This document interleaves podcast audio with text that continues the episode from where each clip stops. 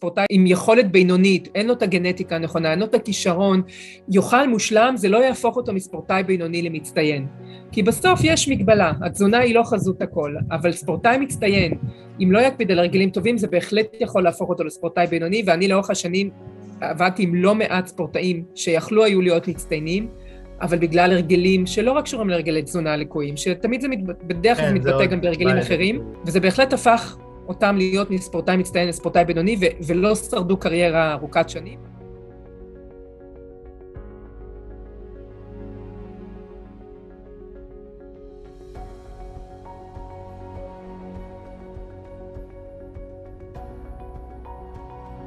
היי אלופים, ברוכים השבים לעוד פרק בפודקאסט מנטליות מנצחת, והיום יש לנו אורחת מאוד מאוד מיוחדת שהולכת לעשות לכם סדר בתוך כל העניין הזה של תזונה לספורטאים, אה, ואני מדבר כמובן על רקפת אריאלי, האלופה התזונאית של מכבי חיפה אה, בכדורגל, מכבי תל אביב בכדורסל, ועוד לא מעט קבוצות במהלך השנים, שאם תראו את הכמות אה, תארים ש, שיש, שיש לה, אתם, אתם לא תאמינו, עוד שנייה נדבר על זה. אז קודם כל, ברוכה הבאה, רקפת, איזה כיף שאת כאן. אה, אני מאוד מאוד שמח אה, לארח אותך ובאמת רוצה קודם כל להגיד לך תודה כי אני חושב שכל העניין הזה של אה, תזונה, במיוחד בעניין של רשתות חברתיות והמון המון תוכן שמאוד נגיש ומאוד זמין, יש המון המון בלבול, המון המון חוסר סדר, המון דברים שהם שגויים ולא מדויקים ואז הם בסופו של דבר פוגעים ב... בספורטאים שמיישמים דברים שהם לא נכונים ואז זה פוגע, אז אני קודם כל מעריך את זה מאוד שהגעת והסכמת להתראיין ועל זה אני אומר לך אה, תודה. אמ, דיברנו מקודם, לפני שהתחלנו ככה את השיחה, על, על באמת זה שגם היית בסופו של דבר שחקנית כדורסל מקצועית, אה, ליגת העל, אה, ליגה לאומית גם, אליפויות, גביע המדינה, נכון? גם כמה אליפויות בליגת העל בכדורגל, שמונה אליפויות, חמש, חמש גביע המדינה, חמש אליפויות כדורסל בגביע המדינה אחד, זה כאילו רש... חתיכת רשימה, בסדר? ומעניין אותי לדעת, לפני שניכנס בכלל לעניין של התזונה, האם את חושבת שבתור מישהי באמת שהגיעה ללא מעט הישגים ותארים, האם את חושבת שהצלחה זה פוק, זה מזל, את חושבת שזה משהו שאפשר ליצור אותו באופן מכוון? Uh, וואו, זו שאלה קשה. Uh, אני מניחה שזה שילוב, שגם בטוח בטוח מחייב עבודה קשה, ו... של כולם, של כל המערכת, של הספורטאי עצמו, של המשפחה שלו, של המערכת שעוטפת אותו. הרבה פעמים יש פה גם עניין של תזמון נכון, ו... והגעה למקום הנכון בזמן הנכון, ומלא מלא השתלשויות, השתלשלויות עניינים, אבל אני חושבת שהבסיס הוא באמת אה, עבודה קשה. Mm-hmm. יסודית, מקצועית, בלי לעשות קיצורי דרך, גם אם מסתכלת על עצמי אפילו כ... כמישהי שכבר עשרים ומשהו שנה, עשרים ושתיים שנה במקצוע, mm-hmm. לא היו לי קיצורי דרך, התחלתי מהבסיס של הבסיס, עברתי כל פעם שלב, למדתי כל פעם עוד משהו, עוד איזה תואר, עוד איזה קורס, mm-hmm. ואני חושבת שזה מאוד מאוד חשוב, גם שאני מכשירה היום את הדור הצעיר בתחום שלי, אני מסבירה להם שלא, אתה לא ביום אחד הופך להיות אה, מחזיק בתשע תשע כן. אליפויות כדורגל. כן, תשע, אה, טעיתי, אמרתי שמונה. לקחת לי את האחרונה החביבה. כן. אה, אה, אז אתה לא ביום אחד מגיע לזה להיות בבמות, ברמות הגבוהות ומול 30 אלף איש בסמי עופר, ברור שאני לא שחקנית, אבל בכל זאת כאשת לא. מקצוע שנמצאת שם. אז אני חושבת שהבסיס לפחות של העבודה שלי הייתה באמת עבודה קשה. ומושקעת ומקצועית, ולא לא לוותר על שום דבר בדרך, כמה שזה מפתה וכמה שאתה לפעמים רוצה לעשות אה, את כל הקיצורי דרך האלה. אה, אז אני מניחה שככה גם לספורטאי שרוצה להגיע רחוק, אה, לטעמי אין קיצורי דרך. כן, חד משמעית. ואת חושבת שיש...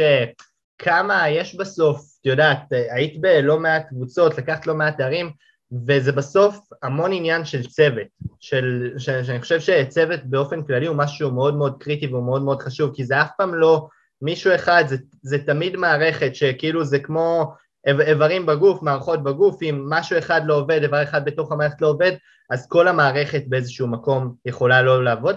כמה את חושבת שיש פקטור משמעותי לדינמיקה בין הצוות, לאיכות של האנשי צוות שמלווים את השחקנים, את הקבוצות, במיוחד ברמות גבוהות כמו שאת עובדת איתם. אז אני חושבת שזה מאוד חשוב, כי כשאתה נמצא שם אתה רואה כמה הדינמיקה והקשרים הבין-אישיים והיכולת לדבר וגם היכולת להעביר ביקורת ולקבל אותה בצורה נכונה, כמה היא חשובה להתפתחות ולהתקדמות. אה, זה מקומות שהם מאוד מאוד לחוצים, אין דבר כזה להפסיד, זה בכלל לא כן. קיים ב... לבוא למכבי תל אביב להיכל מנורה אחרי הפסד, זה לא, לא חוויה נעימה לאף אחד. אה, כנ"ל לכפר גלים, זאת אומרת, זה מקומות שה-DNA שלהם זה, זה לנצח. אה, ואתה גם צריך לדעת להתמודד עם הפסדים, ואתה צריך לדעת להתמודד עם אה, תקופות קשות, ואני חושבת שהצוות הוא משהו שמאוד מאוד יכול אה, גם להכיל וגם להשפיע ולתרום אחד לשני, וגם באמת ההבנה שלכל אחד יש את התחום עיסוק שלו, ואם נסתכלת על התחום שלי, גם אם המאמן מבין בזה, וגם אם השחקן מבין בזה, וגם אם המאמן כושר, בסוף זה התחום שלי, והם ייתנו לי להתעסק איתו. כמובן שאנחנו מייצרים איזשהו פול כזה, כי אני לא נמצאת שם כל הזמן, אז יש לי גם את האנשים שלי, אם זה מתוך השחקנים ואם זה מתוך הצוות, שידעו להגיד את מה שאני הייתי רוצה שיקרה, או לשים את מה שאני הייתי רוצה שיהיה שם, אבל אני חושבת שבאמת הצוות זה המפתח, והמקומות שאני נמצאת בהם, שגם הצוות הוא צוות שמחזיק זמן שנים, וגם יש לו תקשורת טובה אחד עם השני, זה מקומות שיצליחו להחזיק מעמד גם בתקופות הקשות, זה הרבה יותר קל בתקופות הטובות. Mm-hmm, תמיד הכל הרבה הרבה הרבה יותר קל, אבל. החוזקה של הצוות מתגלה באמת בתקופות היותר קשות, גם שוב כלפי, זה לא רק התקשורת מול הצוות, זה גם נורא חשוב התקשורת מול השחקנים. Mm-hmm. אני רואה את התקשורת הבין אישית שלי, תמיד כמו בכל מקום יהיו כאלה שיש לי קשר אישי מקצועי יותר, צמוד, יותר אינטנסיבי איתם, שזה יותר חשוב להם, יותר מעניין אותם, וכאלה שפחות, אבל תמיד תהיה איזושהי תקשורת אה, כלשהי ותקשורת טובה, ו- ואני גם חושבת ש- שמעבר לתקשורת עם הצוות, התקשורת עם השחקנים עצמם, כי זה לא יעזור אם אין להם, לא כן. סומכים עליי והם לא חושבים שאני באמת האינטרס שלי זה לקדם אותם ולקחת את ה... כמו שאתה רואה, הצגת את האליפויות שלי, אז, אז אני מסתכלת על זה, זה הדבר הראשון שמעניין אותי, שהספורטאי שאני עובדת איתו, בסוף יבוא, יביא מדליה, יהיה על הפודיום, כמובן עם כל המסביב, אבל כשהוא יאמין לי שכל מה שאני אומרת לו זה כי זו המטרה שאני רואה לנגד עיניי, אז היכולת שלו לקבל את ההמלצות שלי תהיה, יהיו הרבה יותר אה, גבוהות. כן, חד משמעית. אני חושב גם, אמרת משהו מאוד מעניין, שזה אחת השאלות שהיו לי, ששאלו לי לראש, כי אני חושב שהיא מאוד קריטית, אני אפילו אעלה אותה עכשיו, אולי נחדד אותה עוד בהמשך.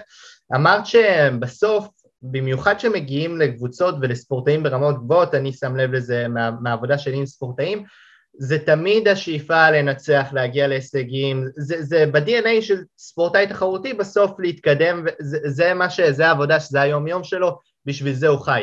עכשיו, אותי מעניין בפן של התזונה, האם את שמה לב שיש הבדלים בתזונה אחרי הפסדים, אחרי דברים, שפ... האם יותר קשה להתמיד, האם יותר כאילו, איך זה בא לידי ביטוי שם? אני שם לב לזה מאוד ברמה המנטלית, בסדר? שאחרי הפסד או אחרי ניצחון, זה משנה ומשפיע באיזשהו מקום על המצב רוח, בסדר? עכשיו, מעניין אותי איך זה בא לידי ביטוי בפן של התזונה גם.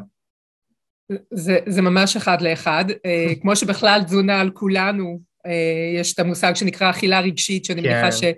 שכל אחד מאיתנו מכיר, ובתקופות שאתה אוכל כך או אחרת לא בגלל הרעב או השובע, אלא בגלל הפן כן. המנטלי, או מה קרה לך באותו יום, או אם הצלחת במבחן או לא, אותו דבר עם הספורטאים. אני שומעת המון את המשפט, טוב, אני לא משחק, אז זה, זה לא כזה משנה. ולהפך, כן. אומרת לו, להפך, אתה לא משחק, אתה צריך להיות יותר טוב, אתה צריך לבוא עם יותר אנרגיה לאימון, צריך להיות יותר חזק בחדר כושר, זה הזמן שלך כן להשקיע בעצמך, וזה מאוד מאוד קשה לאותם שחקנים באמת שהם לא בתקופה טובה ושהם לא משחקים לצורך העניין, לשים, לתת את הדגש על הדברים התזונתיים, וזה בעצם התפקיד שלי דווקא שם, לתפוס אותם וכן לתת להם את הכלים אה, לצלוח גם את זה, ו, וספורטאי שהוא בפורמה טובה והוא נראה טוב והוא רץ טוב, אנחנו רואים ב-GPSים את המרחקים שלו והוא והוא, הוא יקפיד, הוא ישים לב, כי אין מה לעשות, הוא מרגיש את, ה, את ההשפעה של זה, אז, אז, אז אין ספק שהפן המנטלי והרגשי אה, משפיע על הרגלי האכילה, עוד פעם, לא אצל כולם, יש כאלו שיהיו להם, אה, שזה ה-DNA שלהם, יש להם בסיס טוב להרגלי האכילה, ובין אם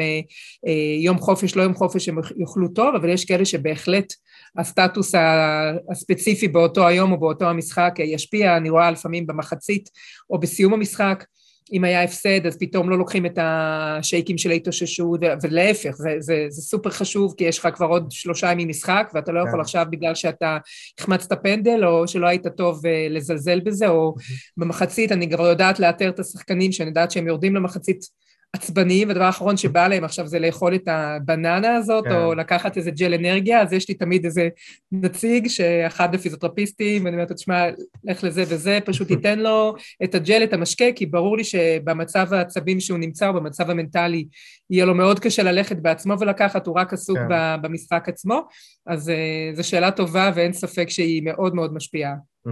כמה את חושבת שזה... דיברת על אכילה רגשית, בסדר? שהמון פעמים אכילה רגשית, חבר'ה אולי שלא לא בדיוק יודעים מה המושג הזה אומר, שזה אני אוכל לא כי אני רעב, לא כי זה מה שזה, כי קרה איזשהו משהו כזה או אחר שהשפיע עליי המצב רוח וגרם לי לעשות אה, איזשהו מנגנון אה, כזה או אחר של הרס עצמי, של, שאני נכנס לאיזשהו מקום מסוים. עכשיו, מעניין אותי להבין כמה את חושבת שזה באמת רגשי סלש מנטלי, העניין הזה של אה, של אכילה רגשית, וכמה זה יכול לבוא לידי ביטוי, את יודעת, ברמת החוסרים, או לא מספיק אה, מקבל את הקלוריות שהוא צריך, או את ה... כמה, כאילו, מה, מה האחוזים לדעתך בין השניים שזה מתחלק שם? אה, אז אני חושבת שלפחות אה, ברמות הגבוהות הם, הם מאוד מטופחים בהיבט התזונתי, יש להם את כל המערכת שתומכת כשהם באים למתחם ושהם יוצאים, לפחות הקבוצות שאני עובדת יש להם גם אוכל כשהם מגיעים וגם ארוחה כשהם מסיימים ומשקאות, משקאות התאוששות וכל מה שצריך, mm-hmm. כך שאני מניחה ש, שבמקרים האלה, ברמות הגבוהות זה נטו אכילה רגשית, כי את כן, הצרכים, yeah, יש, יש הם לא אמורים לסבול מחסרים, גם החבר'ה שחיים לצורך העניין לבד ויש להם יותר קושי להתארגן עם אוכל ולהכין לעצמם, אנחנו מחפשים להם פתרונות ודואגים להם לתזונה טובה שתהיה להם בבתים, אנחנו עוקבים אחרי הבדיקות דם ומוודאים באמת שאין חסרים, זאת אומרת, אם בסוף הם הולכים ובוחרים לאכול אה, ארוחה עתירת קלוריות ולא כן. בריאה, זה, זה נובע מאיזה חסך, מאיזה רצון באמת, או איזה צורך, שלפעמים גם צורך אמיתי קצת כן. להתפנק, שזה כמובן בסדר, הכל כמובן במינונים, אנחנו לא מצפים מהם שמאה אחוז מהשבוע ישמרו על אה, הרגלי אכילה בריאים, uh, הכל כמובן תלוי מינון, אז אני חושבת שברמות הגבוהות זה, זה באמת נטו אכילה רגשית. יותר זה, שי. ולא יודעת אם לקרוא לזה אכילה רגשית, לפעמים כן. זה באמת uh, כמו הצורך של כל אחד מאיתנו, קצת להתפנק, ולאו דווקא זה צריך לבוא מזה שהייתי טוב או לא טוב, אלא פשוט שבא לי פעם בכמה זמן זמן אה, לאכול איזו ארוחה שלא מוגדרת אה, כן. כארוחה בריאה. כן, חד משמעית. עכשיו, את באמת אה, יצא לך לעבוד עם הטופ הישראלי, נכון? יצא לך גם בחו"ל או שלא לא דיברנו על זה פשוט? Uh, לא, לצערי לא יצא אוקיי. לעבוד בחו"ל, אבל הסתובבתי לא מעט, הייתי uh, כמה פעמים בקאמפ נור, ראיתי ככה איך נראה, נראים מועדונים, הייתי באנגליה בכמה מועדונים, הייתי בברית המועצות בכמה מועדונים, באוקראינה, זאת אומרת יצא לי לראות מועדוני ספורט.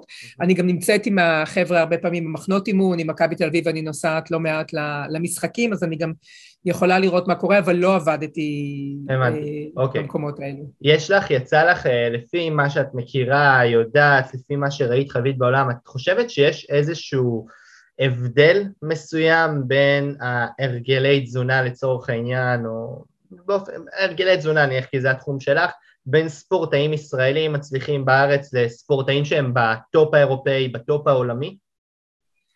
אמ, אז אני חושבת שיש פה שני דברים. אחד זה באמת התקציבים, כמה המערכת יכולה להשקיע בדבר הזה, אמ, וכמה באמת יש את כל ה... את השפים, את הדיאטניות, אני רואה למשל אם מכבי חיפה נוסעים לחו"ל, אז מגיע איתנו שף שהוא ברמה הגבוהה ביותר והאוכל הוא מושלם מבחינה תזונתית, בריאותית, ספורטיבית, אז אני מניחה שיש פה עניין של תקציבים, ובתקציבים בעולם הרבה יותר גדולים, המערך הזנה, אם אתה הולך לקאמפ נו ואתה. רואה מה הם מקבלים בסיום האימון, זה באמת, אה, זה לא יבייש כל מלון אה, חמישה כוכבים או ומעלה אפילו, אה, אז אני מניחה שיש פה גם עניין של תקציבים, וגם הרבה מאוד עניין של הרגלים, אני מסתכלת, אני עובדת עם דני אבדיה לצורך העניין הרבה שנים, מהיותו נער מתבגר צעיר פה, ואני בקשר איתו גם כשהוא כבר שנתיים נמצא בחו"ל ו... גם שהוא בחו"ל, אני, אני מודעת בדיוק למה הוא אוכל, והדיאטנית שם אה, בקשר איתי לכל מה שצריך, וגם ממה שהוא מספר.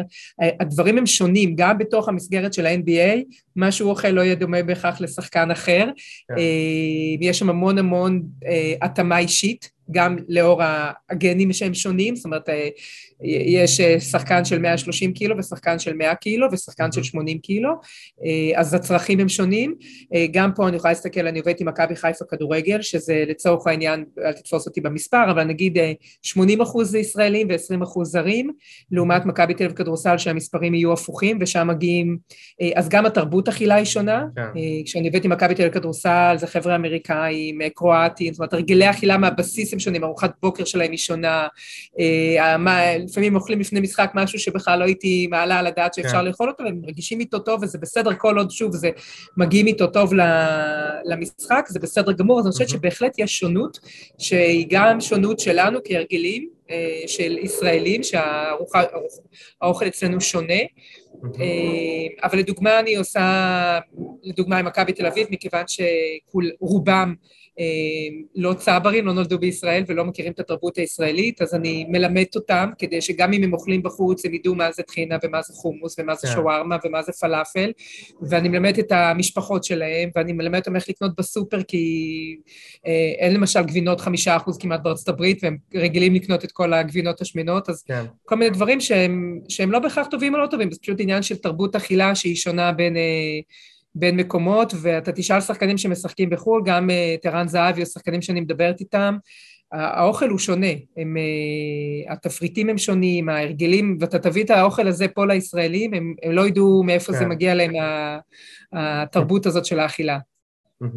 אוקיי, okay, וואו, סופר מעניין, כאילו זה גם, את אומרת שיש פה המון אה, פקטור בסופו של דבר של העניין של התרבות, כאילו העניין של התרבות, מאיפה זה מגיע, מאיפה אני, כאילו, אה, המקום שגדלתי, המאכלים, הסוגי מאכלים, הדברים שיש בסופר, הדברים שיש במסעדות שם, העניין של התקציבים גם שדיברת עליהם שבחו"ל זה יכול להיות תקציבים מאוד מאוד גדולים, ששם באמת יש עוד איזשהו פקטור, ש, שזה באמת דברים שחד משמעית כאילו, באמת אפשר לראות את ההשפעה שלהם בצורה מאוד מאוד ברורה. עכשיו, מעניין אותי להבין זה, זה גם שאלה שעלתה לא מעט מהחבר'ה בבית, שהמון פעמים יש, דיברנו על זה קצת בהתחלה, שיש בעניין של התזונה, בסדר? אני שם לב, אני יכול לראות עכשיו אה, מישהו שאומר אה, משהו מסוים, ואז משהו מנוגד לחלוטין. אז כאילו, איך אפשר, יש כאילו, נראה שיש המון המון סתירות, וזה לא ברור בדיוק במאה אחוז, פה בשביל זה גם הבאתי אותך שתבואי ותעשי לנו סדר. איך אני יודע מה נכון, מה לא? את חושבת שזה עניין של הוא יותר אינדיבידואלי ומה שעובד לספורטאי? האם יש משהו כללי שיש דברים שיותר נכונים ופחות נכונים? איך באמת אפשר לבדוק ולראות שמה שאני מכניס לגוף שלי בסופו של דבר, שזה המקדש שלנו בסוף, וזה מה שמאפשר לנו, זה הכלי שלנו לביצועים, שיאפשר לי באמת להפיק את עצמי מהמיטב, לשפר את היכולות שלי ולעשות את הכי טוב שאני, שאני יכול. אה, אז זו גם שאלה טובה, אני חושבת שזה באמת אה, מאוד מאוד קשה. קודם כל, הייתי מחלקת לזה שניים. אחד, יש מקצוע שנקרא דיאטן, דיאטנית, שמי שאמור לתת את הייעוץ בתחום הזה של התזונה, זה אנשים אה, כמוני שעשו את ההכשרה האוניברסיטאית, עשו תואר ראשון בתזונה, עשו מבחן ממשלתי, קיבלו רישיון לעסוק בתזונה, והם אמורים, או יודעים את החומר, את, ה, את התיאוריה מסביב לכל עולם התזונה. כמובן שכמו בהרבה מקצועות, גם התחום הזה הוא מאוד פרוץ, ויש לנו היום כל מיני יועצי תזונה, וכאלה כן. שעשו איזה קורס אה, של איזה שלושה חודשים, וכבר אה, הם גורואים לתזונה, או כן. מישהו שנראה אה, כמו באדי בילטר, והוא כבר בונה כן. תוכניות תזונה ואימון, זאת אומרת, אז קודם כל חשוב שבאמת אם רוצים לקבל ייעוץ תזונה מאיש מקצוע שיש לו את ההכשרה ואת התעודה, זה צריך באמת לשאול מה, מה הרקע שלו, ולא רק להסתכל ברשתות החברתיות, כי, כי מאוד מאוד קשה לכל... את כל הסוגיה הזאת של, של המקצוע, כי אתה תלך לאיש מקצוע, אתה לא מסתכל לו על הקיר איזה תעודות בדיוק ומאיזה אוניברסיטה, ולא כל אחד יודע איפה, מאיפה מקבלים תואר בתזונה כזה או אחר. אז זה ככה באופן כללי לגבי המקצוע הזה. אחר כך, באמת, מה, מה הן ההמלצות? אז, אז בכלל תזונה זה תחום שמאוד קשה לחקור אותו. כי אנחנו כל כך שונים, גם אני ואתה, אפילו שלצורך העניין נולדנו באותה מדינה ואנחנו ב, אה, באותו סביבת אכילה, אנחנו מאוד שונים, הגנים שלנו שונים, המקרוביום, שזה הרכב חיידקי המעיים שלנו שונים, יכול להיות ששנינו נאכל בננה ואצלך הסוכר יעלה לאט ואצלי הסוכר יעלה מהר, אז טוב לי בננה או לא טוב לי בננה, ולכן כל תחום התזונה הוא תחום שהוא מאוד מאוד קשה לתת באמת שחור או לבן, להגיד זה טוב לכולם וזה לא טוב לכולם. Mm-hmm. ככל שהמדע מתקדם, אנחנו מבינים כמה השונות הבין-אישית היא גדולה וכמה אנחנו לא יכולים להיות אה, להגיד שיש דבר אחד טוב ודבר אחד לא טוב, וכל מי שיגיד שהוא עשה דיאטה X והיא הדיאטה הטובה ביותר, ולא משנה איך תקרא לה, צום לסירוגין, קטוגני, דל פחמימות, טבעונות, צמחונות, אין, אין אפשרות היום לומר איזה דיאטה היא דיאטה אולטימטיבית בגלל השונות הבין-אישית. Mm-hmm. מה שכן יודעים זה, זה אה, לתת איזה שהן הנחיות כלליות, למשל לצרוך כמה שפחות מזון מעובד, כי פה אין mm-hmm. שאלה של לאכול בננה או חטיף גרנולה, ברור שלאכול בננה שהיא לא מעובדת, היא גדלה על העץ בתקווה שהיא לא מעובדת, היא כן. יותר בריא מלאכול אה, חטיף אנרגיה, או לאכול קוואקר, חיטה, שיבולת שועל שעשו מאיזה דגן, מאשר לאכול קורנפלקס מתועש. זאת אומרת, אז יש דברים שהם די ברורים, אל תאכל מעובד, תאכל טרי, אה, תגביר צריכת ירקות ופירות בתפריט ממגוון צבעים. כלומר, יש איזה שהם כללי אצבע שהם ברורים, אבל להגיד לך האם אתה צריך בננה, דובדבן או אבטיח, אנחנו לא יודעים. בתחום של הספורט זה אותו דבר, אז יש לנו את ההנחיות הכלליות, מה אנחנו יודעים שצריך לפני אימון, מה יכול לעזור להתאוששות מאימון, ובתוך כל העולם הזה יהיו גם את הניואנסים. מה התזונה שמתאימה לכדורגלן, לשחיין, אה, לג'ודוקאי, כי יש הרבה מחקרים שלוקחים את הענף ספורט הספציפי ומנסים להבין מה הצרכים שלו, מה שונה מבחינת עומס האימונים, עצימות האימון, איזה מנגנונים פיזיולוגיים משתתפים באימון, אז גם פה אני, אני אוכל לתת המלצות כלליות, אבל גם לאותו כדורסלן, אני לא אדע להתאים לו תזונה מאוד מאוד אישית ולהגיד לו, אה, אתה צריך לעשות עכשיו בדיקת צואה, בדיקת דם, בדיקת זה, ואני יכולה להגיד לך האם באמת טוב לך, אורז ולא פסטה, או פתיתים ולא קוסקוס, אנחנו לא שם. אנחנו יודעת להגיד לו, אתה צריך פחמימות לפני האימון, בכמות כזאת וכזאת, לא אכפת לי אם תבחר את זה מאורז, מפסטה, מתפוח אדמה, מבטטה, מקינוע, מה שאתה אוהב, מה שטוב לך, בסוף זה פחמימה שתיתן לך אנרגיה לאימון. Mm-hmm. אז אני חושבת שהתחום הזה הוא תחום שכל הזמן נחקר, ככל שחוקרים אותו, mm-hmm. מגלים כמה לא יודעים, כן. ואם יבוא אליך מישהו ויגיד שהוא יודע את הסוד, אז תדע שהוא... כן. שזה בדיוק האדם שלא יודע, uh-huh. אז זה, זה ככה תשובה שהיא גם בכלל, לכלל האוכלוסייה, כלומר היא לא רק לספורטאים, היא מגיעה, היא נובעת מכלל האוכלוסייה, שאנחנו יותר לא יודעים מי יודעים. Uh-huh. אז כאילו את אומרת בגדול, לפי מה שאני מבין, שזה יותר עניין של, אוקיי, יש את הדגשים הכלליים, את נותנת לספורטאי לבדוק עכשיו, אה, לצורך העניין, לא יודע, לתקופה של אה, חודש, חודשיים, סתם אה, זורק כרגע, ואז אחרי זה הוא יכול כבר לבוא ולהגיד לך יותר מה עובד לו יותר, מה עובד לו פחות, ולפי זה בעצם עושים את ההתאמות, אם אני, אם אני מבין נכון? נכון, אז בעצם התהליך הוא בדרך כלל כזה שאתה קודם עושה נגיד לצורך העניין מדדים גופניים. אתה צריך לעלות במשקל, אתה צריך לרד במשקל, וגם זה יהיה תלוי בענף, כמובן יש הבדל, ולא רק בתוך, בתוך הענף גם יהיה הבדל, יהיה הבדל בין שוער לחלוץ, לבלם, כן. לקשר, כי אחד צריך רץ שמונה קילומטר במשחק, אבל עושה המון ספרינטים, והשני רץ עשרה אה. קילומטר במשחק ועושה פחות ספרינטים, אז, אז אתה גם, המבנה גוף יהיה שונה.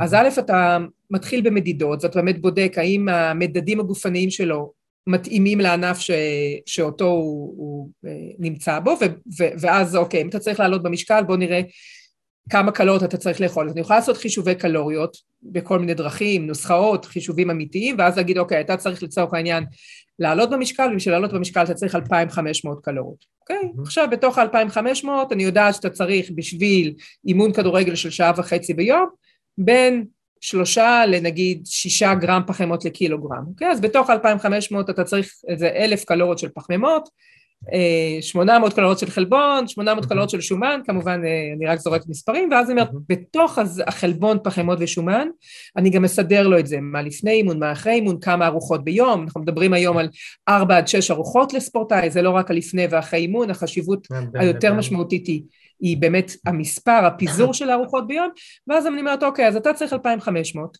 איקס חלבון, איקס פחמימות, איקס שומן, מפוזר על 4 עד 6 פחמימות, בתוך הדבר הזה נעשה כל מיני אופציות. זה, זה יהיה כבר פחות קריטי, בין אם אתה תבחר לאכול תפוח לפני אימון או בננה, זה כבר לא מעניין אותי, זה פחמימה שהיא בערך 100 קלוריות, זה בתוך התקציב שאתה אמור לאכול לפני אימון, בסוף תבוא ותגידי, תשמעי, אני אוכלת בננה ואני מרגיש נהדר באימון, אבל כשאני אוכל תפוז אני מרגיש לא טוב, אז אל תאכל תפוז, הכל בסדר, תקבל את האנרגיה מבננה. אז כן, אנחנו יכולים לעשות את ההתאמה האישית בהיבט של הקלוריות, ואם צריך לעלות או לרדת במשקל, וכמובן לעבור על בדיקות הדם ולראות האם לא חסר לך רכיב ספציפי כזה או אחר ולתת עליו דגשים, אם חסר לך ברזל, או אם אתה לא צורך מוצרי חלב, התפריט שלך דל בסידן, או כל מיני דברים, ולתת דגשים ספציפיים. אבל ממש את הניואנסים האלה של בדיוק מה אתה צריך לאכול, זה בעיניי מיותר, חסר משמעות, ובאמת, כמו שאתה אומר, ניסוי וטעייה, אני נותנת להם תפריט, עובד לא טוב, אנחנו רואים שינויים גופניים טובים, תחושה טובה, בדיקות דם תקינות, אחלה, בוא נרוץ איתו. שים תפריט, הוא מגיע למשחק, כואבת לו הבטן, הוא מרגיש שבמחצית הוא כבר מדולדל מאנרגיה, כנראה שזה לא מתאים לו וצריך לעשות כן. שינויים. ויש חשיבות גם בתוך ה... אמרת לצורך העניין 2,500, שלושת, לא משנה, סתם אה, זורק מספר. יש אה, חשיבות שאת מתייחסת לזה, יש חשיבות גם להרכב של האוכל, מקודם דיברת על אוכל אה, מתועש מול לא מתועש, לא מעובד, רכיבים יותר טבעיים, האם, מה, האם יש חשיבות גם להרכב של האוכל, לאיכות של המוצרים, מאיפה הם מגיעים, לרמת עיבוד שלהם לצורך העניין? אז, אז, אז ודאי שיש להגיד כמה מתוך המאה אחוז, כמה מתוך המאה אחוז אם הספורטאי יצרוך אוכל, מזון לא איכותי, כמה זה ישפיע ומה תהיה ההשלכה על, ה, על המדדים הגופניים ועל היכולת הגופנית, קשה לנו לנקוב באחוז mm-hmm. מסוים. אה, כן, אה, ברור שכשאתה אוכל מזון איכותי, מעבר ל... אה, לכך שהוא מכיל יותר ויטמינים ומינרלים, אה, מכיל יותר סיבים, יותר מגנזים, אבל זאת אומרת, כשאתה אה, בוחר לאכול לצורך העניין לחם מלא לעומת לחם לבן, בסוף תקבל משתי פרוסות לחם 150 קלוריות, תקבל 30 גרם פחמיות, אבל כשאתה תאכל את הלחם המלא אתה תקבל גם מגנזיום, אבץ, ויטמין E, סיבים, זאת אומרת איזשהו אקסטרה. אה, אז ברור שבמכלול, מטרה באמת שהמזון, אנחנו היום קוראים לזה גישת המזון תחילה, באנגלית זה נשמע יותר טוב, זה נקרא food first approach. המטרה היא קודם כל לקבל את כל מה שצריך ממזון. וה, וההנחה היא, או לפחות המחקרים גם מראים, שגם ספורטאי וגם ברמה הגבוהה יכול לקבל את הכל מהמזון, את כל רכיבי המזון שהוא צריך, בהנחה שהוא יוכל לצרוך מזון איכותי. אבל אם בבוקר הוא אוכל דגני בוקר מתוקים עם אה, חלב לצהריים, ולבית ספר הוא לוקח אה, לחמניה עם שוקולד, והוא חוזר בצהריים ואוכל איזה שניצל אה, מתועש עם צ'יפס, ואחר הצהריים לפני האימון הוא אוכל טעמי, וחוזר אחר בערב ואוכל בורקס, אז אתה יכול להניח ששום ויטמין או מינרל הוא לא קיבל בתפריט, אולי הוא קיבל 2,500 קלוריות, אולי הוא קיבל 1,000 קלוריות מפחמימות ו-1,000 קלוריות מחלבון, כמו שאמרתי קודם, אבל אין לו שום אקסטרה. ואז אין ספק שזה ישפיע לו על היכולות, כי כל חסר תזונתי, ויטמין C, ויטמין E, ויטמין A, ויטמין B, יש לנו כל כך הרבה חסרים, איפה שהוא ישפיע, לשים את האצבע בדיוק, האם זה יפגע לה ביכולת אירובית, בקשב וריכוז, ביכולת התאוששות, אני לא יודעת. Mm-hmm. וגם להגיד לך האם מתוך ה-2500, האם תאכל 250 לא בריאות, וזה יהיה זניח, אני גם לא אוכל לדעת mm-hmm. בדיוק את המספר. אבל uh, המספר שמקובל uh, לציין אותו הוא סביב ה-10 עד 20 אחוז, אם התפריט יכיל מזון שהוא לא מזין, ההשפעה תהיה זניחה. כלומר, mm-hmm. אם מתוך 2,500, אכלת 2,200, 2,300 קלוריות מזינות, לא, כמעט ולא מעובדות, ולא מטוגנות, ולא מאוד מאוד שמנות, ולא מלא מלח ו- וחומרי טעם וריח, ואכלת איזה ממתק אחד או חטיף אחד ביום, סביר להניח שזה לא ישפיע לרעה על הביצועים הגופניים. מדהים, אמרת את הדוגמה, נתת דוגמה עכשיו, אה, דוגמה כאילו הלכנו לקיצון של אה, ספורטאי שקם ואוכל בבוקר אה, קורנפלקס עם חלב עם מלא סוכר ואחרי זה בא ואוכל לחמניה עם שוקולד וטעמי וזה ובורקס והוא לא מקבל יותר מדי. זה ושמעתי באחד ה... יצא לי ככה לחקור לפני הראיון קצת עלייך ולשמוע כל מיני ראיונות שלך ואחד הדוגמאות שעלו באחד הראיונות זה היה שהם יש לפעמים אה, ספורטאים מסוימים, שזה כאילו מה ששיגע אותי, בסדר? כי אני, אני אגיד לך למה, כי אני תמיד מאוד, כשהייתי ספורטאי, כשהייתי מתחרה, מאוד מאוד השתדלתי להקפיד על המזון, ראיתי אה, ספורטאים שאיתי שמתחרים, אוכלים עכשיו אה, מה שבא להם המון פעמים, ואני כאילו אומר, מה, איך, איך אני אוכל את זה, והם מבצעים לפעמים באותו רמה כמו שלי, לפעמים יותר טוב ממני, שזה מה שאף פעם כאילו לא הצלחתי להבין. נתת דוגמה, אני, אני מחזיר, נתת דוגמה של מייקל ג'ורדן מהסדרה, של כאילו, של איך, כאילו, אני גם, אני, אני אומר את זה ואני צוחק, כי אני מסתכל על הסדרה ואני רואה, מה זה, כאילו, איך זה יכול להיות שהם מזמינים פיצה עכשיו ל, ל, לחדר ב-11 בלילה, כאילו, ו- וכאילו, אני, ועדיין, שוב, מבחינת היכולות והביצועים וההישגים, אין בכלל מה לדבר. שיש כאילו המון המון ספורטאים שעל אף כביכול התזונה שהיא לא בהכרח בריאה או תמיד מאוזנת, כן מצליחים להפיק מעצמם ביצועים ויכולות מאוד מאוד גבוהות. אז כאילו, שאלה שלי, איך, איך זה יכול להיות? זה משהו אינדיבידואלי? זה משהו כאילו שגנטי? איך זה יכול להיות שספורטאי מסוים יכול לאכול תזונה מאוד מאוד כביכול בריאה, לפי התפריט, לפי המדדים, בדיוק מה שהוא צריך, ספורטאי אחד יכול לאכול דברים לא ממש טובים ובריאים לגוף שלו, ועדיין היכולות שלהם, כאילו כל אחד יפיק באמת אז, אז זה דבר שעולה המון אצל הספורטאים, אתה יודע, הם מסתכלים מסביב, הם נוסעים לתחרויות בעולם, מה היא רוצה מאיתנו? כל הזמן מקפידים, ו, ודני אומר לי, מה הם אוכלים פה, לוקחים פנקייקים בכמויות בבוקר, ואני עם החביתה והסלט. אה, אז, אז אני חושבת שכשמדברים על יכולת גופנית, יש המון דברים שמשפיעים, ובוודאי שהגנטיקה, ובוודאי שהכישרון, אוקיי? יש כישרון, אתה לא יכול לקחת ממישהו, אם הוא מוכשר, יאכל טוב, לא יאכל טוב, והוא מוציא הרבה אנרגיה, הוא ישמור על משקל תקין ואחוז שומן תקין, זאת אומרת, יש היכולת המנטלית, המנטלית היא נורא נורא חשובה, היכולת להימנע מפציעות שהיא, אתה יודע, לא תמיד בשליטה. זאת אומרת, המון דברים משפיעים לנו על היכולת הגופנית, בכללם גם התזונה וגם המשקל ואחוז שומן. אה, זה חלק מהדבר הזה. עכשיו, יש כאלו שבאמת כל הדברים האחרים הם כל כך חזקים שהם לא... אתה אף פעם לא יכול לדעת האם הם היו גם מקפידים על הרגלים טובים, אם זה היה משפר אותם עוד. כלומר, כן. גם בקבוצות שאני עובדת, יהיו כאלה שיקפידו מאוד, ואני יודעת במאת האחוזים, ועדיין הם לא יהיו ברמת יכולת הכי גבוהה ולא באחוז שומן הכי נמוך, ויהיו כאלה שבדיוק ההפך, בקושי יקפידו ובכל זאת ברמת ביצוע אה, אה, מאוד מאוד גבוהה. אז אני חושבת שצריך לה, להבין פה שכמו שאמרתי קודם, השונות הבין-אישית היא גדולה. ואני בטוחה שגם עבור אותם ספורטאים, אה, יש איזשהו ציטוט שאומר ש... אה, ספורטאי בינוני, קצת משנה את הציטוט, אבל ספורטאי עם יכולת בינונית, אין לו את הגנטיקה הנכונה, אין לו את הכישרון, יאכל מושלם, זה לא יהפוך אותו מספורטאי בינוני למצטיין.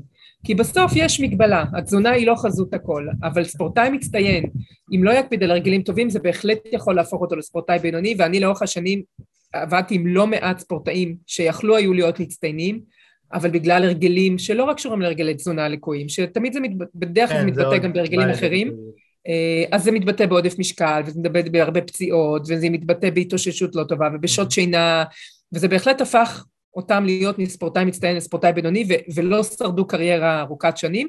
ולפחות מהניסיון שלי מה שאני רואה שהקריירות הארוכות זה בדרך כלל של מי שמצליח להקפיד על המון דברים. ולצורך העניין מה שאמרנו על מייקל ג'ורדן אז מי שלא ראה את הסדרה באמת רואים שם שהם מזמינים למלון, ואחרי כן. משחקים, ולפני משחקים, אה, פיצות וכל מיני מיני, כאלה. כן, שתייה ממותקת. ו... אז, אז אני חושבת שגם בכלל הספורט מאז מאוד השתנה, ההתייחסות והכל, היום אתה רואה את שחקני NBA ויש כל מיני פרסומים וציוצים בטוויטר, עכשיו ראיתי לא מזמן, מיליון דולר, נדמה לי קרויס פול, מיליון דולר בעונה הוא משקיע על המעטפת הגופנית וואו. שלו, מחוץ למה שהוא מקבל ב-NBA. וואו. על זה שיש לו שף בבית, ומעשה, ודיאטנית, כלומר על המעטפת, שהוא בעצמו, את הכסף שלו, משקיע מיליון דולר בגוף הגוף שלו, אה, אז, אז אני חושבת שגם שם היום אפשר למצוא ספורטאים מאוד מקצוענים, אפשר להסתכל על רונלדו ו- ו- כן.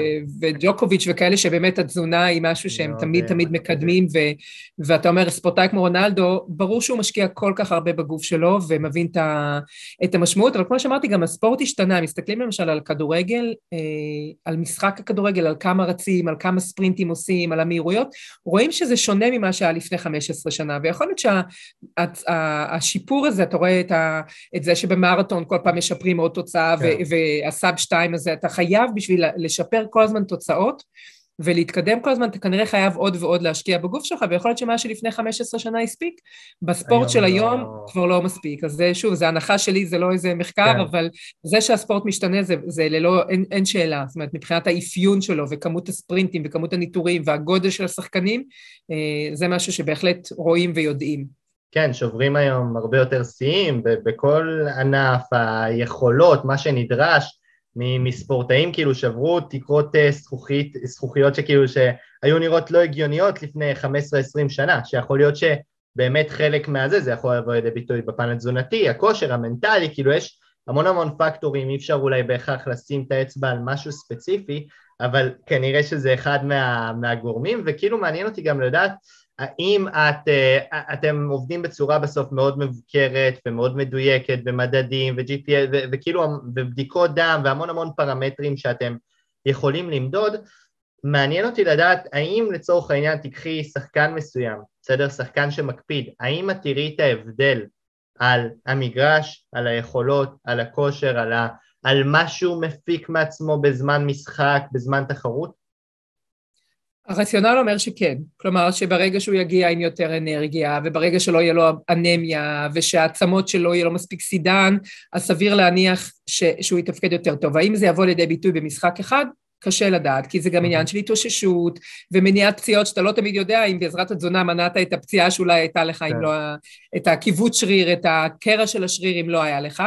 אה, אז רציונלית אה, הגיוני, וזה בעצם מה שאנחנו משדרים ורוצים להאמין בו, ואנחנו גם יודעים שזה אמור להיות נכון, כי אנחנו מכירים את כל המחקרים, ותמיד יש גם את, ה, את המציאות, ו, ולצורך העניין יש שחקן, כמובן בלי שמות, כן. שהודיע לי שבתקופה מסוימת הוא עכשיו באמת רוצה לאכול לפי הספר, והוא יהיה בקשר בקשר איתי יומיומי ואחד השחקנים הבכירים ו... והוא יודע שיש לו מה לשפר בהרגלי האכילה והוא מתכוון לקחת על עצמו את הפרויקט הזה ו... וזה מה שהוא עשה, באמת התחיל, לא שהוא לא אכל טוב לפני כן אבל רצה להעלות את רמת המקצועיות ו... שלו. כן. והיה שולח לי ועכשיו בא לי מתוק אז מה לאכול, שולח לי את האופציות אז מה אני עושה? ו...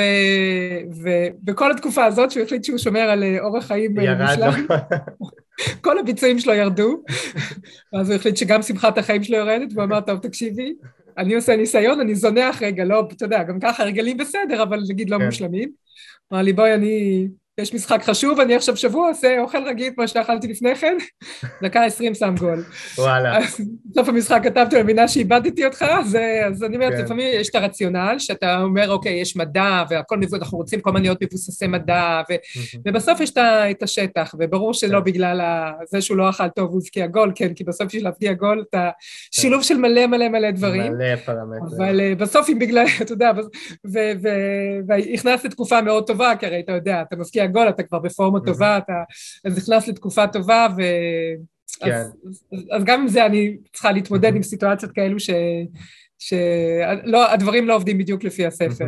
כן, ברוב כאילו הכללי בהיגיון את אומרת שזה אמור לעבוד אצל הרוב זה כנראה גם זה, אבל יש נכון. בכל אה, דבר אה, חריגות כאלה ואחרות, כאילו אין אפשר, אנחנו לא יכולים לאחד סתם יכול לעבוד אה, סתם אה, לכתוב מטרות לפני המשחק, אחד צריך אחד, כאילו גם ברמה המנטלית צריך כל הזמן בסוף לבדוק לדעתי בשטח מה עובד בפועל ואז לדעת לעשות את ההתאמות. עכשיו, נכון. אחד הדברים שבאמת באמת עלו, אה, אני יוצא לי, אני משתדל כל הזמן לשמור את עצמי בסביבה מסוימת של הספורטאים שאני עובד איתם, שאני יודע שהם בסוף אה, חשוב לי שהם יהיו מאוד מאוד עם אה, תשוקה מאוד גדולה, מאוד רציניים, מאוד משקיענים, בסדר? אז המון פעמים יש להם גם איזשהו רף מאוד מאוד מחמיר מעצמם. שאחת השאלות שהיו זה האם מותר לעשות שיטמין, האם מותר לאכול, האם אפשר לאכול, אה, האם צריך לאכול כל הזמן בריא, אז מה, כאילו איפה עובר הגבול בין תפריט שהוא מאוזן, בריא, טוב לבין תפריט שהוא מחמיר בקיצוני, אתן לך דוגמה על עצמי, אני פעם לפני לא יודע איזה תקופה מסוימת עשיתי גם תפריט, לא, נטו זה לא היה משקל, זה היה עניין של יותר עייפות שהייתה לי, למרות שהבדיקות דם שלי היו תקינות, והתפריט מרוב שהוא היה קיצוני, הוא גרם לי לכל כך הרבה לחץ וסטרס שראיתי אותו, אני יוצא, מה, אני יוצא מה, מהתזונאי, אני אומר בואנה איך, איך כאילו אני מתקשר לאנשים בלחץ, אני אומר איך אני יכול לשמור על זה, זה לא הגיוני כאילו, איך, איך זה יכול להיות, אז כאילו מרוב שזה הכניס אותי ללחץ וסטרס, אז בסוף אכלתי דברים, לפני זה הייתי אוכל טוב, הייתי אוכל ממש סבבה, אכלתי דברים יותר גרועים ממה שאכלתי לפני, בגלל שזה היה כאילו כל כך קיצוני מראש והציפייה הייתה מאוד מחמירה ומאוד נוקשה, אז כאילו איפה עובר הגבול לדעתך בין תזונה שהיא מחמירה מדי לתזונה שהיא בריאה, מאוזנת, שמאפשרת לי גם לחיות בסופו של דבר אורח חיים בריא, תקין, להיות שמח כאילו גם בין לבין, נראה לי גם חשוב. איפה עובר הגבול? אז, אז אני מאוד מסכימה איתך ש, שבאמת אה, נורא חשוב להיות גמישים. אה, בטח ובטח עם הספורטאים ובטח עם הספורטאים הצעירים, כי אנחנו לא רוצים לייצר אצלם אה, את הקורלציה בין, זאת אומרת, אוכל, כמו שאתה אומר, אוכל הוא דבר כיפי, והוא דבר טעים, והוא דבר משמח, ואתה הולך לסרט, יש שם אוכל, ואתה הולך לאירוע, יש שם אוכל, כלומר, אוכל הוא סביבנו כל הזמן, יש חג, יש ערב שישי, אוכל זה לא רק רעב ושובע ופחמות חלבונים ושומנים. ונורא נורא חשוב באמת אה, למצוא את האיזון הזה בין הנאה מאוכל ובאמת שמירה על אורח חיים אה, בריא וספורטיבי ומאוזן, אה, כי יש הפרעה היום שהולכת וגדלה שנקראת אורטורקסיה, זה בעצם הפרעת בריאות, יתר בריאות, ויש לא מעט, במיוחד הדור הצעיר, שמפתח פחד אמיתי מאוכל, הם ילכו לאכול אחרי משחק בהמבורגר לצורך העניין, והוא ייקח סלט, אפילו שהוא שיחק עכשיו שעה וחצי כדורסל בשיא החום, והוא ייקח סלט עם בשר והוא במשקל תקין והוא אחוז שומן נמוך והכל, אבל הוא לא, הוא לא רק חושב שזה לא בריא לאכול המבורגר עם צ'יפס ומיונז, הוא פשוט מפחד מזה, זה לא רק בריא או לא בריא, זה באמת איזשהו פחד מאוכל לא בריא, הצליחו להכניס להם את הפחד הזה, וזה ממש הפרעת אכילה שיש לה מונח שנקרא אורטורקסיה, שזה פחד מלא, מלהיות לא בריא. ו, ולחיות ככה זה לא חיים נוחים ולא חיים קלים, ואני מאוד מאוד בגישה שהרוב צריך להיות בריא, ואני לא אוהבת את הדבר הזה שנקרא cheat meal, אני חושבת שאם בא משהו מתוק זה בסדר לאכול, ואם בא לצאת ולאכול אה, משהו שהוא לצורך העניין cheat או שהוא אה, לא בריא, זה בסדר, זה הכל עניין של מינון, כי ברגע שאנחנו מגדירים את זה כמז, גם כאיזה cheat meal, אז א', כן. אנחנו מחכים לזה כל השבוע, ושם אנחנו כבר נהיה בשליטה, ואחר כן. כך אנחנו נרגיש לא טוב עם הגוף. המטרה באמת לייצר אורח חיים נורמלי, שבו, שוב, גם אם אתה אוכל עכשיו ב-200 קלוריות של הפירות, אכלת 200 קלוריות של פסק זמן, לא קרה שום אסון, זה לא צריך לקרות כל יום וכל ארוחה, אבל אם באותו יום נורא התחשק לך עוגה או גלידה או משהו והימרת פרי בגלידה, שום אסון לא קרה. שוב, כמו שאמרתי קודם, זה הכל מינונים. עשרה עשרים אחוז מהתפריט לא יהיה בריא, זה לא ישפיע לרעה, ולכן אני, בגישה שלי, בטח אחרי כל כך הרבה שנים, עולם הספורט, עולם רווי בהפרעות אכילה ובהפרעות כן. דימוי גוף. ואתה הולך לחדר כושר, אתה רואה את הבני נוער האלה, כל הזמן מסתכלים על עצמם במראה, ועושים מה שנקרא בדיקות גוף, איך הוא נראה ביחס לחבר שלו, ואיך הריבועים שלו בבטן, בא לילד נער בן 13, הוא רוצה ריבועים בבטן, הוא עוד לא התחיל את גיל ההתבגרות, הוא לא יכול שיהיו לו ריבועים בבטן, אבל זה מה שהוא רוצה, כי הוא רואה את האחים הגדולים או את הספורטאים בקבוצות הגדולות, ו, ובאמת בעולם הספורט יש המון המון הפרעות אכילה, לאו דווקא לפי הספר, כלומר, לאו דווקא אנורקסיה או בולימיה, זה כן. יכול להיות פשוט הפרעות בדימוי גוף, שהמטרה למנוע אותן, ובאמת לא לתת תפריטים כל כך סיזיפיים וכל כך נוקשים, א', כי אנשים לא הצליחו לעמוד בהם. כן, אז סתם גורם לתחושה לא... ואז כמו שאצלך זה מייצר להפך פחד מאוכל, אי הנאה מאוכל, שנאה של אוכל, אה, אז אני בגישה הרבה יותר, בטח לאורך השנים שאני עובדת, וגם יש קולגות שיחלקו עליי, אבל בגישה שלי אני בגישה הרבה יותר הוליסטית, שתעשה את הדברים 90 אחוז מהם טוב, 85 אחוז טוב, זה עדיין יהיה מספיק טוב גם לספורטאי ברמות הכי גבוהות, וכמו שאמרתי קודם, אם בסוף אין לו כישרון ואין לו גנטיקה ואין לו יכולת כן. מנטלית, כן. גם אם הוא יהיה הכי נוקשה עם עצמו בעולם, זה, זה, זה, לא... זה לא יעבוד לו.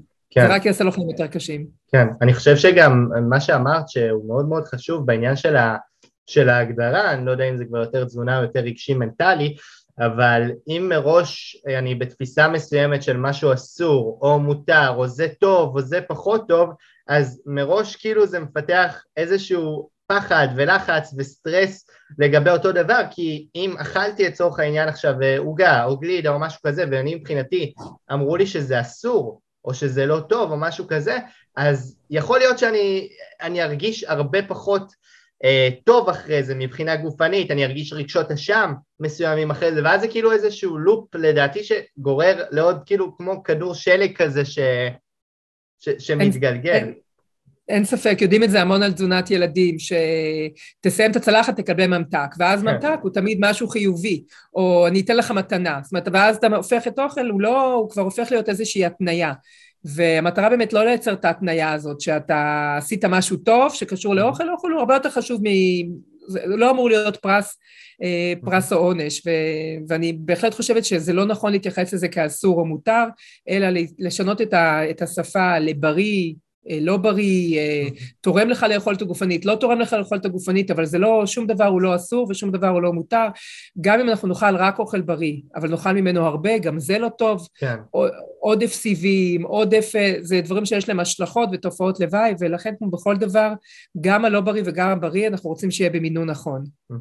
מדהים, וואו, כן, אני חושב שזה אולי, אולי אחד הדברים הכי חשובים מהשיחה הזאת, כי, כי באמת אם מבחינתי אם מישהו אחד, ספורטאי אחד ישמע את זה, כי ראיתי את השאלות שלהם לפני שהם היו, יש להם uh, תפיסה מאוד מאוד קיצונית שלפעמים זה באיזשהו מקום יכול להביא להישגים, אבל זה מביא גם המון המון לחץ והמון סטרס והמון רגשות אשם, אז אני ממש שמח גם שאת שמה דגש על זה, במיוחד ש...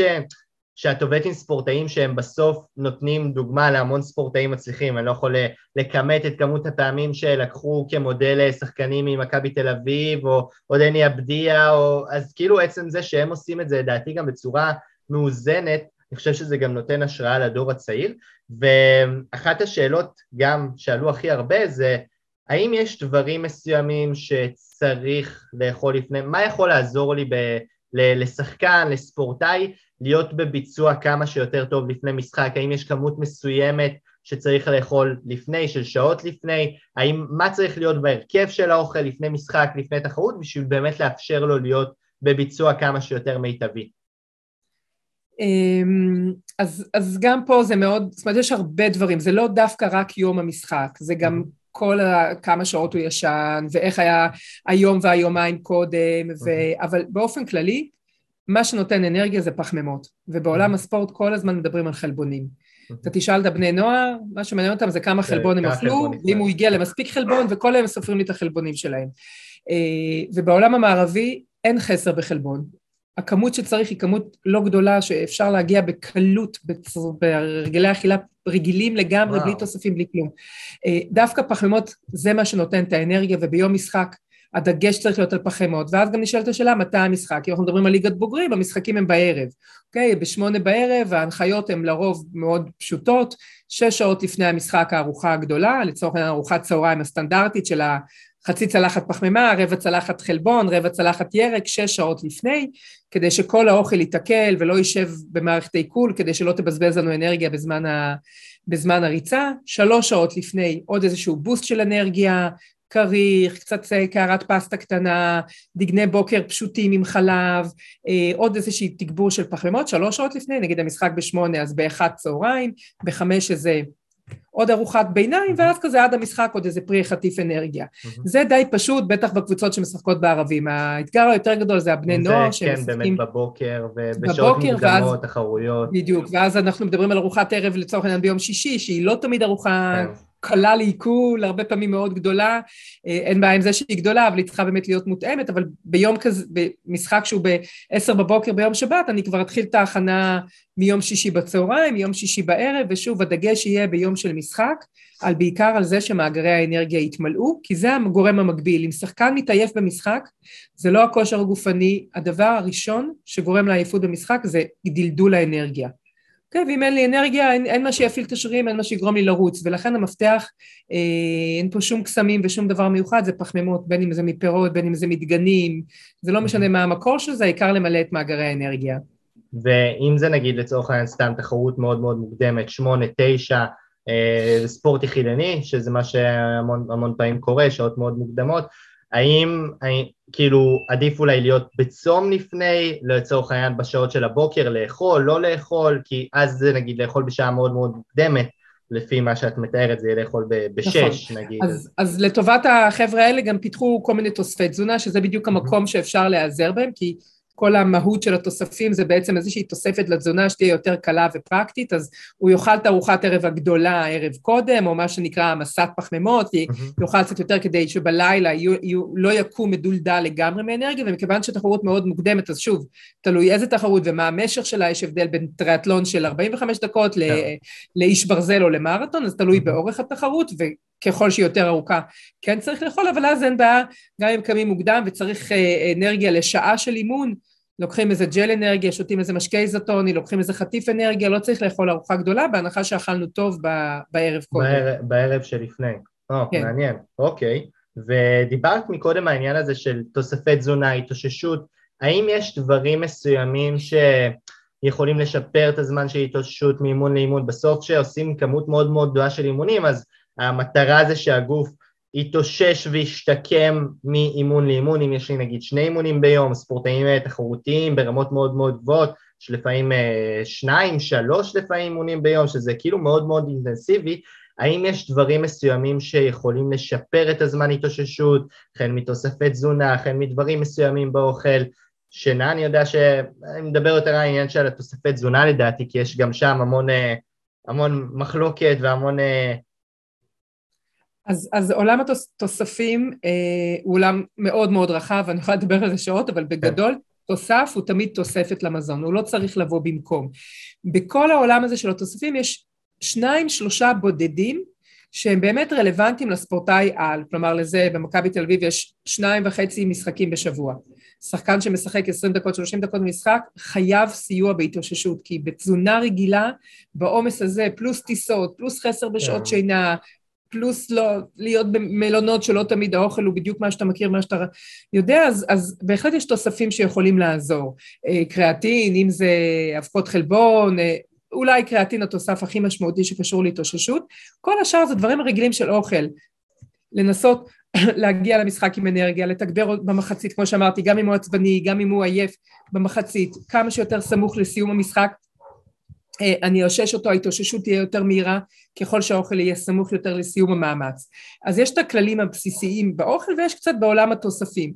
אני מציינת את זה שזה קצת, כי היום, עוד פעם, העולם התוספים, הספורטאים, בטח הצעירים, נורא מחפשים קיצורי דרך, איך אני עכשיו יכול להתחזק, וצריכה ממש אה, גדולה ו- ולא נכונה ולא רצויה של תוספים שבכלל לא מיועדים לרמה הזאת של אימון ביום, מי שיש לו אימון ביום, ארבעה משחקים, ומש... ארבעה אימונים ומשחק, יש לו את כל הזמן שבעולם להתאושש, כן. האולם, המגרש קרוב לבית, אין סיבה להיעזר בתוספים, כמו שאמרתי קודם, ה-food first approach, קודם תקבל את הכל מאוכל, בסיטואציות מורכבות, אני עובדת גם עם נבחרת ישראל בשחייה, אז יש לי שחיין שבא מרחוק, מתאמנים נורא מוקדם בבוקר, משם הוא הולך לבסיס, לצורך העניין לקריה, יושב שם כמה שעות, חוזר לאימון צהריים, אחר כך אימון ערב, שלושה אימונים ביום, אין כן. ספק שלאחד כזה חייב עזרה, כי הוא כל היום מחוץ לבית, הוא צריך עזרה בתוספים, הוא צריך עזרה בהתאוששות, שלוש יחידות אימון ביום. כשהם יגיעו לרמה הזו, באמת התוספים יהיו אפקטיביים. ברמה שבה 90% מהספורטאים נמצאים, שהם יכולים להסתפק לקבל את הכל ממזון, חבל על הכסף, חבל על ההתעסקות, זה ממש ממש מיותר mm-hmm. למרבית הספורטאים. אז כאילו, אז בעצם את אומרת שזה רק באמת ספורטאים שהאינטנסיביות של מה שהם עושים מאוד מאוד גדולה ומאוד שניים, שלוש אימונים ביום, רק שם זה באמת יהיה אפקטיבי, וספורטאים הרגילים שמתאמנים אימון אה, ביום או משהו כזה, זה לא בהכרח משהו נדרש. אמרת שיש שניים, שלושה תוספים שהם עיקריים, אמרת קריאטין, ומה עוד? בת, בתוך עולם התוספים, עולם התוספים מתחלק לשלוש משפחות, בקצרה. משפחה אחת נקראת תיקון חסרים, חסר ברזל, חסר B12, חסר אומגה 3, חסר סידן, אני אספק את זה ב... אוקיי. אני אמלא את החסר. אז זה תיקון חסרים. המשפחה השנייה זה תחליפי מזון. חטיפי חלבון, אבקות חלבון, משקאות איזוטונים, ג'לים, יותר נוח תוך כדי ריצה, במקום לאכול בננה לאכול ג'ל, אתה יורד mm-hmm. לפסק זמן, במקום עכשיו אה, אה, לאכול חטיף אנרגיה אתה שותה משקה עם פחמימות. אז זה בעצם, לקחו אוכל והפכו אותו למשהו שהוא פרקטי וקל לספורטאי לצרוך תוך כדי שהוא באימון. סיימת אימון, היית ספורטאי, אתה יודע את זה, אתה מסיים אימון, אין תיאבון, לוקח זמן עד שהתיאבון חוזר. כמו שאמרתי קודם, זה הזמן הכי חשוב לאכול, אז במקום עכשיו להתחיל לתת לו אוכל שאין לו תיאבון לשבת ולאכול עכשיו חזר ופסטה, נוכל לעשות לו משקה התאוששות שמכיל חלבונים ופחמימות בתוך אבקה. אז אלה משפחת התחליפי מזון. והמשפחה השלישית נקראת משפחת התוספים משפרי הביצועים, או במינוח הלועזי, תוספים ארגוגנים. בתוך המשפחה הזאת יש ארבעה, קריאטין, בטא-אלנין, nitric oxide וקפאין, בסך הכל ארבעה תוספים בכל העולם הגדול הזה של תוספי תזונה, שהם גם בטוחים לשימוש וגם יכולים לסייע. למי לסייע? כל אחד מהם יש לו מטרות אחרות. לא בהכרח הקפאין והקריאטין רלוונטי לאותו אחד. אוקיי? הקריאטין לא רלוונטי לרץ מרתון, אבל הקפאין כן.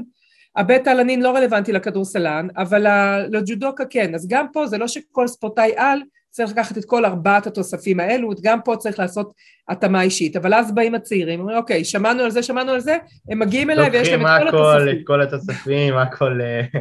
אז ההורים רק מחכים שאני אגיד להם שהם לא צריכים את זה, ואני אומרת את זה כי הם באמת לא צריכים את זה, לא כי יש לי איזשהו צורך אה, לחסוך להם את הקנייה הזאת. אוקיי, וואו, מעניין, אני הייתי, גם לי שברת אולי כמה זה. אה, כל מיני תפיסות לגבי העניין הזה של התאוששות, אני חושב ש... שוב, זה מאוד מאוד חשוב. יש, הייתי רוצה שנעשה ככה לקראת סיום, לפני סיום, איזושהי פינה, אה, איתך זה יכול לעבוד קלאסי, כן, מושלם, okay. אוקיי. של שבירת מיתוסים, מה שאפילו לענות בתשובות קצרות או בהרחבה מאוד מאוד uh, קצרה לגבי כל מיני דברים מסוימים, כל מיני תפיסות, רעיונות בעולם, ה, בעולם התזונה, בסדר? מה את אומרת? אין בעיה. זה יהיה יחסית מהיר, בסדר? אפילו, את יודעת, לענות במשפט שניים, להרחיב רק כדי שיבינו את ההיגיון אולי מאחורי זה, וככה זה, בסדר? אז אני okay. זה, אוקיי. כי אני את זה צריך לזכור. Uh, האם לאכול בערב בשעה מאוחרת יגרום לעייפות ביום שאחרי? נהפוך הוא. וואלה. שעה מאוחרת, אה, שאלה מה זה שעה מאוחרת לספורטאי, אה, יש לא מעט עבודות שמראות שיש יתרון לארוחת לילה. וואו. לא הייתי אוכלת ארוחה כבדה מדי כדי שלא ישפיע על מערכת העיכול, אבל בהחלט לאכול מאוחר, אין עם זה שום בעיה לפני השינה, האוכל ייתקל, יבנה שרירים גם במהלך הלילה. זה לא יעשה, אה, זה לא יעביר את ה... בסוף הגוף צריך להתאושש והולך למעגל... לא, וואו.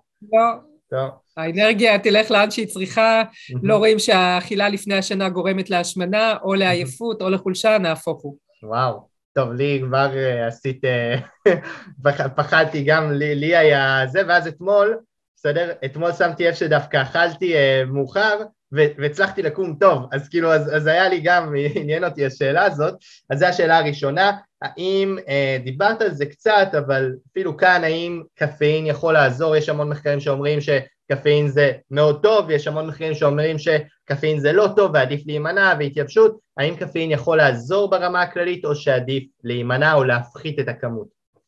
קפאין זה אחלה בשביל ספורטאים, Mm-hmm. יש לו רק יתרונות, כמובן כמו כל דבר, כתלות במינון.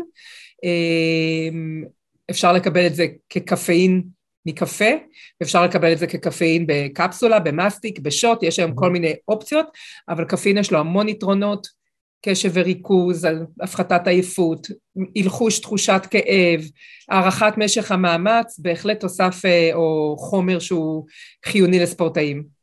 האם יש קשר בין מוצרי חלב לדלקתיות בשרירים? שום דבר. דלקתיות. בשרירים לא רלוונטית בכלל למוצרי חלב. מוצרי mm-hmm. חלב בעולם הספורט אה, יש להם הרבה מאוד אה, יתרונות וסגולות, החל מהחלבון הכי איכותי, חלבון מי הגבינה, מכיל את החומצת אמינו שבונה את השרירים, הרבה סידן, אה, פחמימות טובות, כלומר בעולם הספורט מוצרי חלב הם מאוד מומלצים. Mm-hmm. האם יש הבדל בין אכילת מזון מלא פסטה מלאה, אה, אורז מלא, לחם מלא, למזון לא מלא, קמח לבן, אה, כאילו... בהיבט של הערך המוסף כן, בהיבט של קבלת האנרגיה לא. קלוריות ואנרגיה אותו, וה...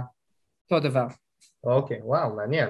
האם יש מאכלים שהיית ממליצה להימנע מהם, או שבמידה נכונה הכל לדעתך אה, אז אני חושבת שעניתי על זה תוך כדי, אני לא בעד להימנע מכלום, אני בעד, אה, אה, כן, יש דברים שאנחנו יודעים שהם לא בריאים, כל המרגרינות ו, והשתייה המתוקה, זה, אין, אין שאלה לגבי זה אה, שהם מזיקים, אבל אה, אני לא חושבת שהימנעות, אני, אני אוהבת להשתמש בלהמעיט ולא. כן. בלהימנע. אוקיי. חטיפי חלבון, אבקות חלבון, בעד, נגד? לא הייתי אומרת שאני נגד, אני לא בעד, זה בטוח, אה, אני, אבל אני גם לא נגד, כמו שאמרתי קודם, mm-hmm. פונקציונלי.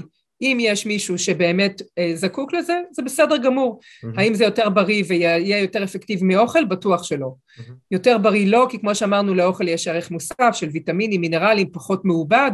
אה, מבחינת ההשפעה על בניית השריר לא יהיה שום הבדל, ולכן בעיקר עניין פונקציונלי.